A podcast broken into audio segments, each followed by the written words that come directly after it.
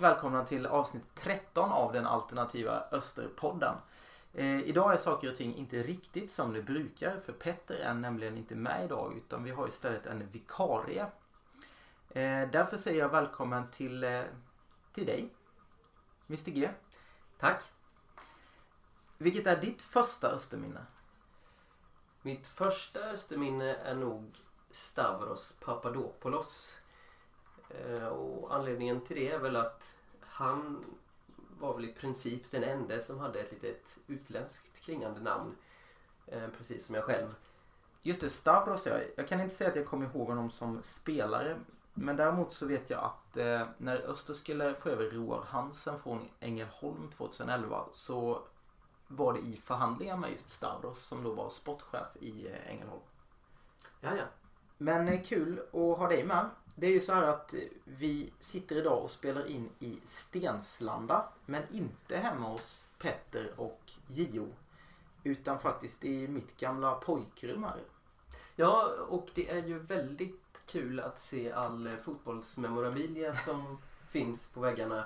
Eh, bland annat lite idolkort på Erik i den grönvita dressen från Vedslövtiden Och ett gammalt kort från Dana Cup också med eh, pojklaget där som vi eh, hade. Där vi, var, vi var ju framgångsrika och eh, kom ju oftast två efter Öster i serien förutom det året när Öster inte var med och vi vann. Just det. Eh, och, men där, där var vi i Dana Cup den här gången och då, då var vi inte så framgångsrika för då vi, vi pallar inte det här internationella motståndet Nej. riktigt på samma sätt tror jag.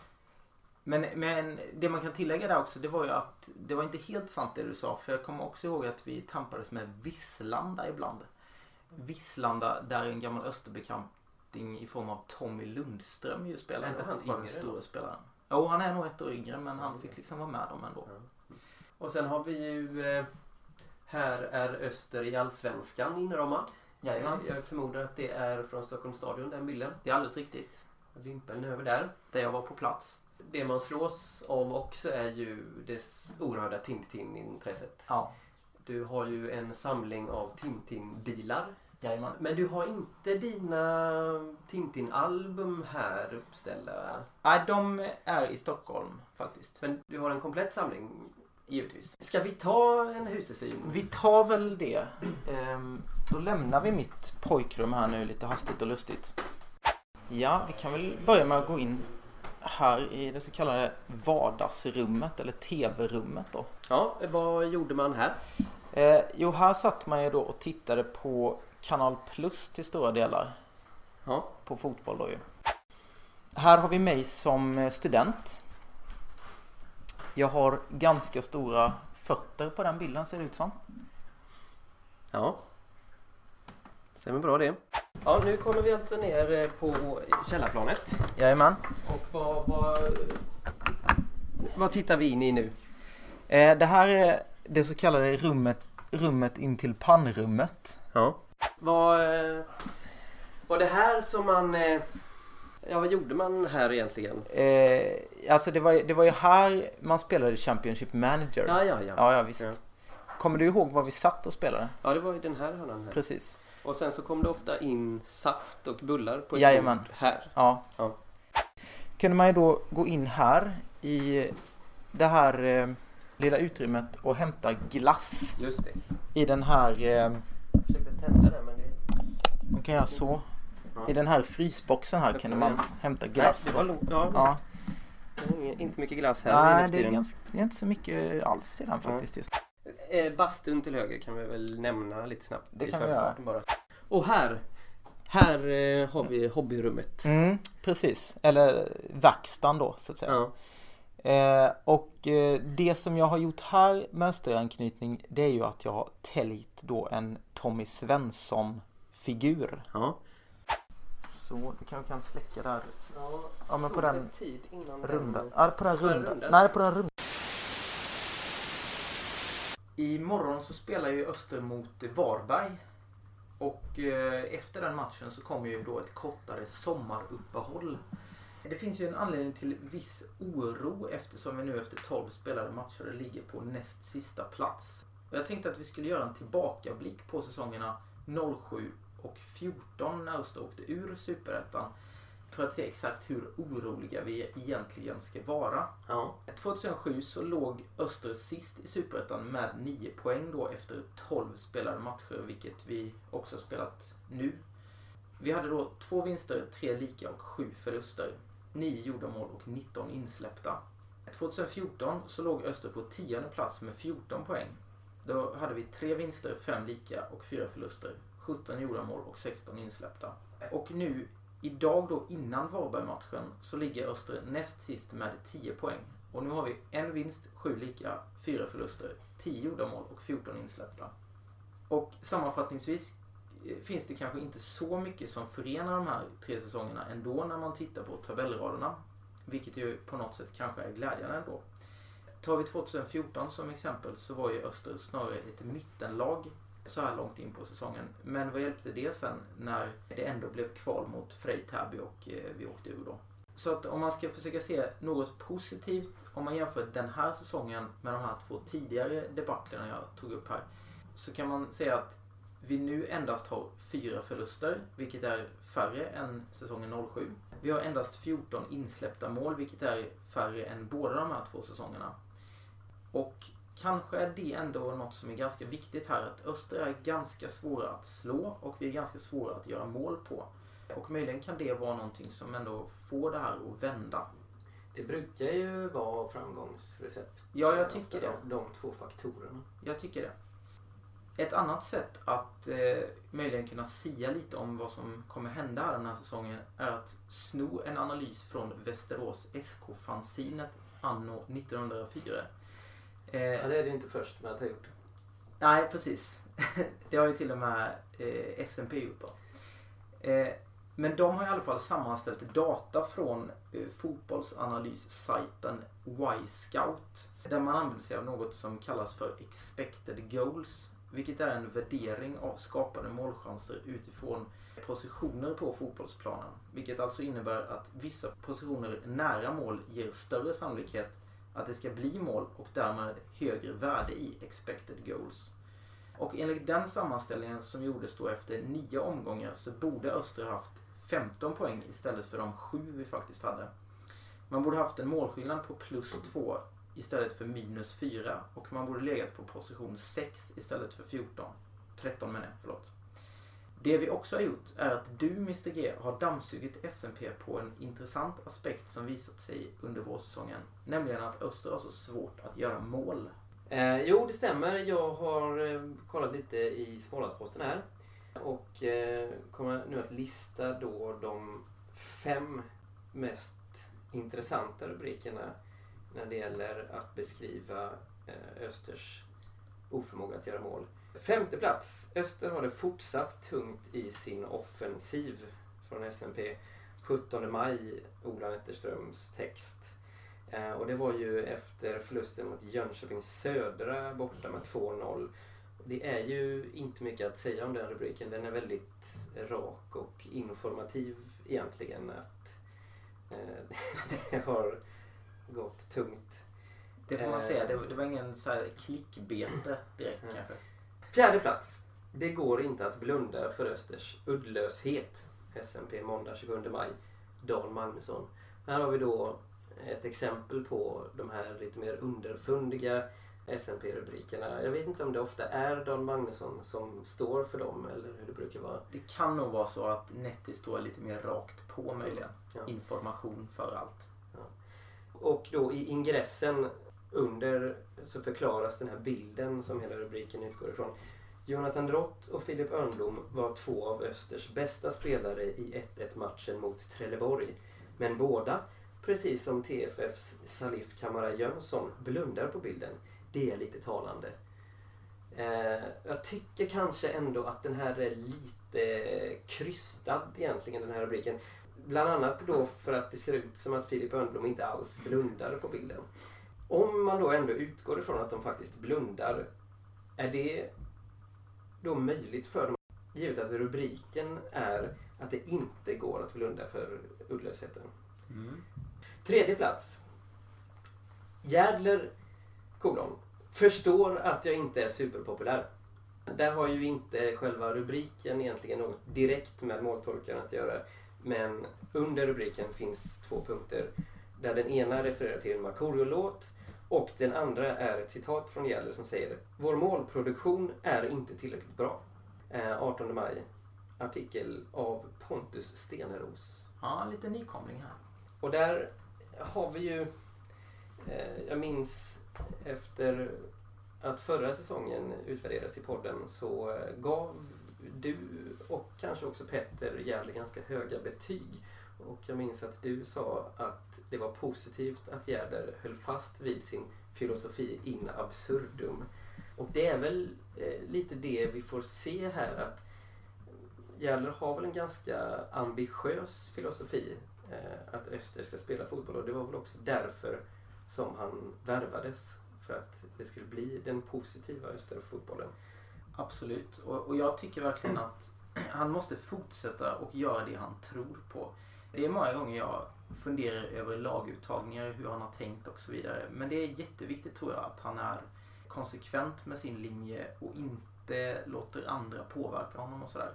I slutändan så tror jag ändå det här kommer bli något bra och det känns som att han har förtroende från både spelare, trupp och eh, Österledningen än så länge, vilket är positivt. Mm. Det finns ju eh, egentligen inga som är insatta då som tycker att han ska avgå som det verkar och Fredrik Gustafsson var senast för några dagar sen ute i Sveriges Radio Kronoberg och var väldigt tydlig med att han ska stanna. Andra plats, smålänningar ska rädda målsnåla Öster.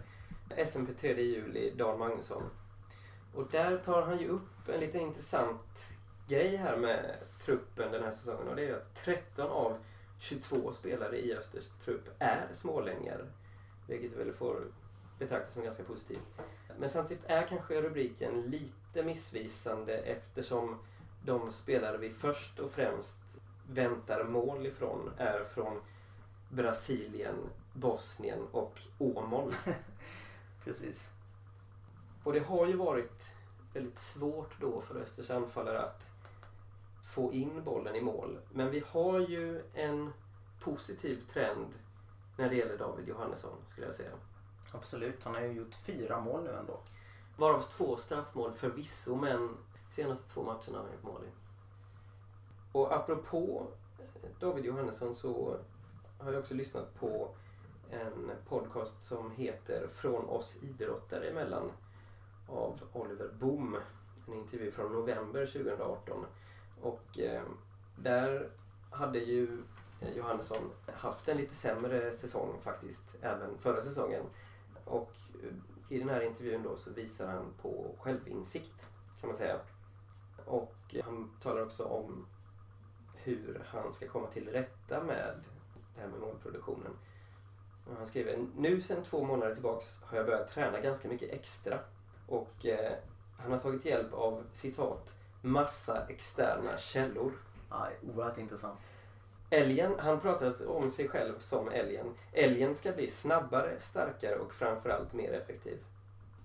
Eh, det låter sjukt, men jag har tagit hjälp lite av en norsk anfallscoach som har gett mig lite uppgifter som jag ska tänka på. Vad jag gör och vad jag inte gör. Nu kontra de andra åren när det har gått bra. Så jag har ett mönster, så jag vet vad felet är och det kommer att förbättras. Det är ju oerhört intressant då att han, han vet varför han inte gör mål. Eh, men han vill samtidigt vara lite hemlighetsfull om vad det egentligen är då. Nej, det kan vi. Nej, det... Jag är väldigt öppen idag känner jag. Ja. Och då så har han det här lite intetsägande svaret. Det är inte bara individuellt naturligtvis. Utan det är många faktorer som gör att det inte går bra. Men i mitt fall så är det effektiviteten. Jag kommer till lägen, jag är snabb, jag får mycket bollar av mina lagkamrater. Men det gäller att sätta dit dem. Ja, precis. Eh, den här intervjun var ju väldigt eh, rolig att lyssna på två värmlänningar emellan då. Men jag, jag, tycker att det här är någonting som också talar lite grann för Öster. Nämligen att det finns inga undanflykter. Jädler är väldigt rak och tydlig och skyller inte på någonting. Vilket jag även liksom har hört citat från både Måns Karlsson och Stefan Karlsson. Att man, man säger helt enkelt att Det är för dåligt, vi kan bättre. Men man skyller varken på domaren, planen eller någonting annat. Och det tycker jag är väldigt positivt.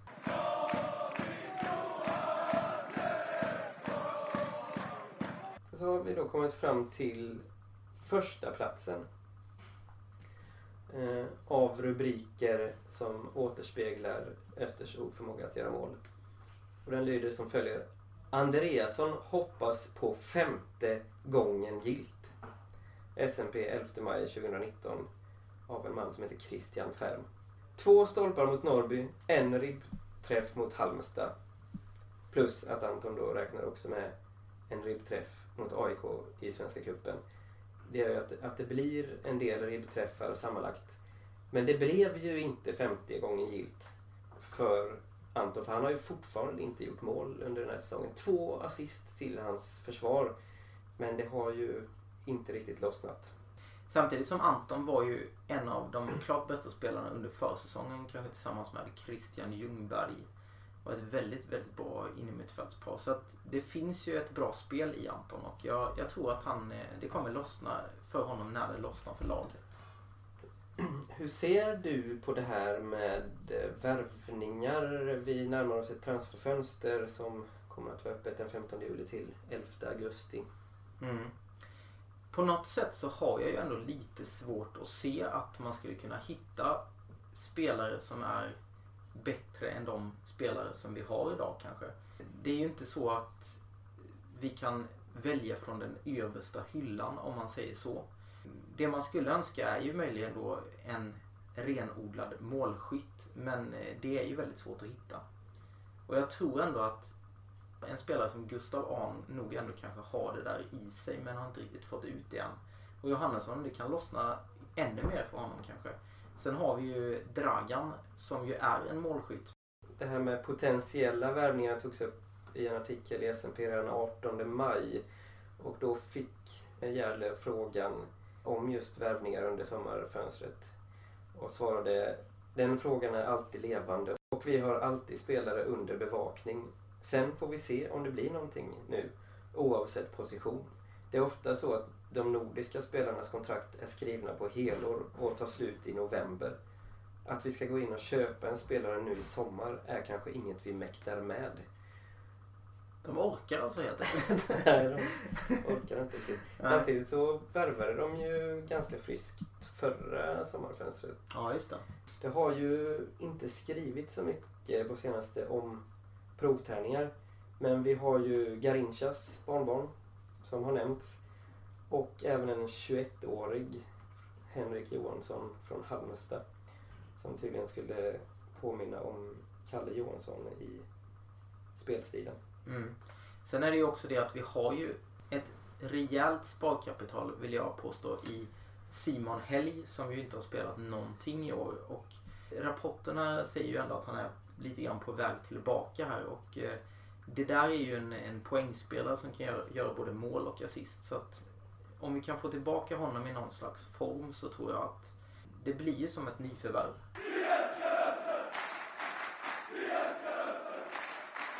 Förra avsnittet så hade vi en Vem där? Och den var nog ganska svår. Det har bara kommit in ett svar. Det korrekta svaret är ju Thomas Backman. Inskickat av Anton Svensson. Vem var egentligen Thomas Backman?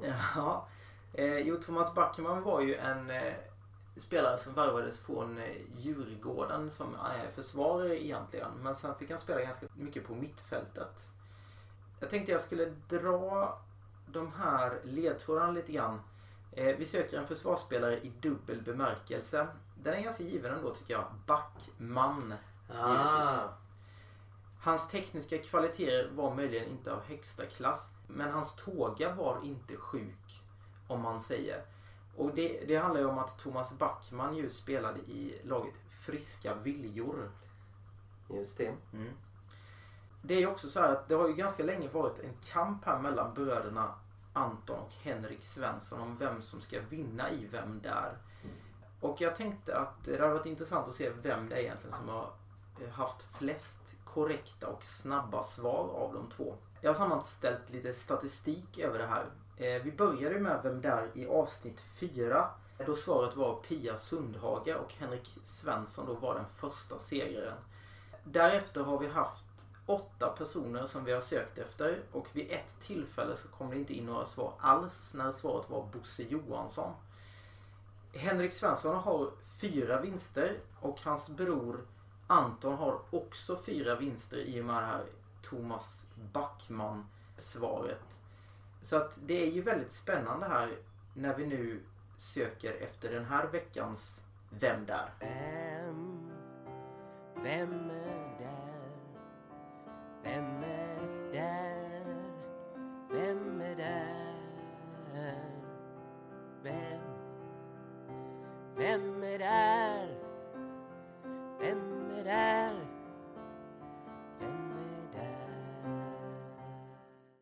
Ledaren för åtsittande undervisning i Söder. Men andra delen av FAB, Mirak, Musk och Nebu. To whom it may concern, Revolution och Be aware är titlar som kan leda dig rätt. Min far hävdade att han hade haft denne man som elev på 80-talet. Bra, och så en monolog. Vad heter du till exempel? Olle. Olle, välkommen till Gamla Svedala. Du behöver inte heta Olle. Du kan gå till Skatteverket och ändra det. Olle är ett jättekonstigt namn. Folk retar dig. Varför ska du ta skit för någonting som din galna morsa hittade på för 20 år sedan? Du kan ändra det till ett bra namn. Nu heter du som är ett superbra namn. Grattis! Ja, det var inte lätt. Vi tackar för det. Svaret på den frågan kan skickas till alternativaosterpodden at hotmail.com. Sen vill jag också tipsa om att glöm inte att ni kan stödja oss på Patreon genom att gå in på patreon.com alternativaosterpodden. Det vi också gör är ju att vi finns på Instagram där man kan gå in och följa oss.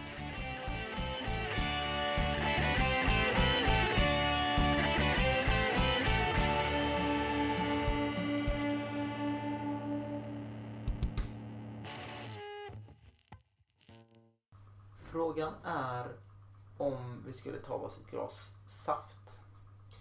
Eh, det tycker jag.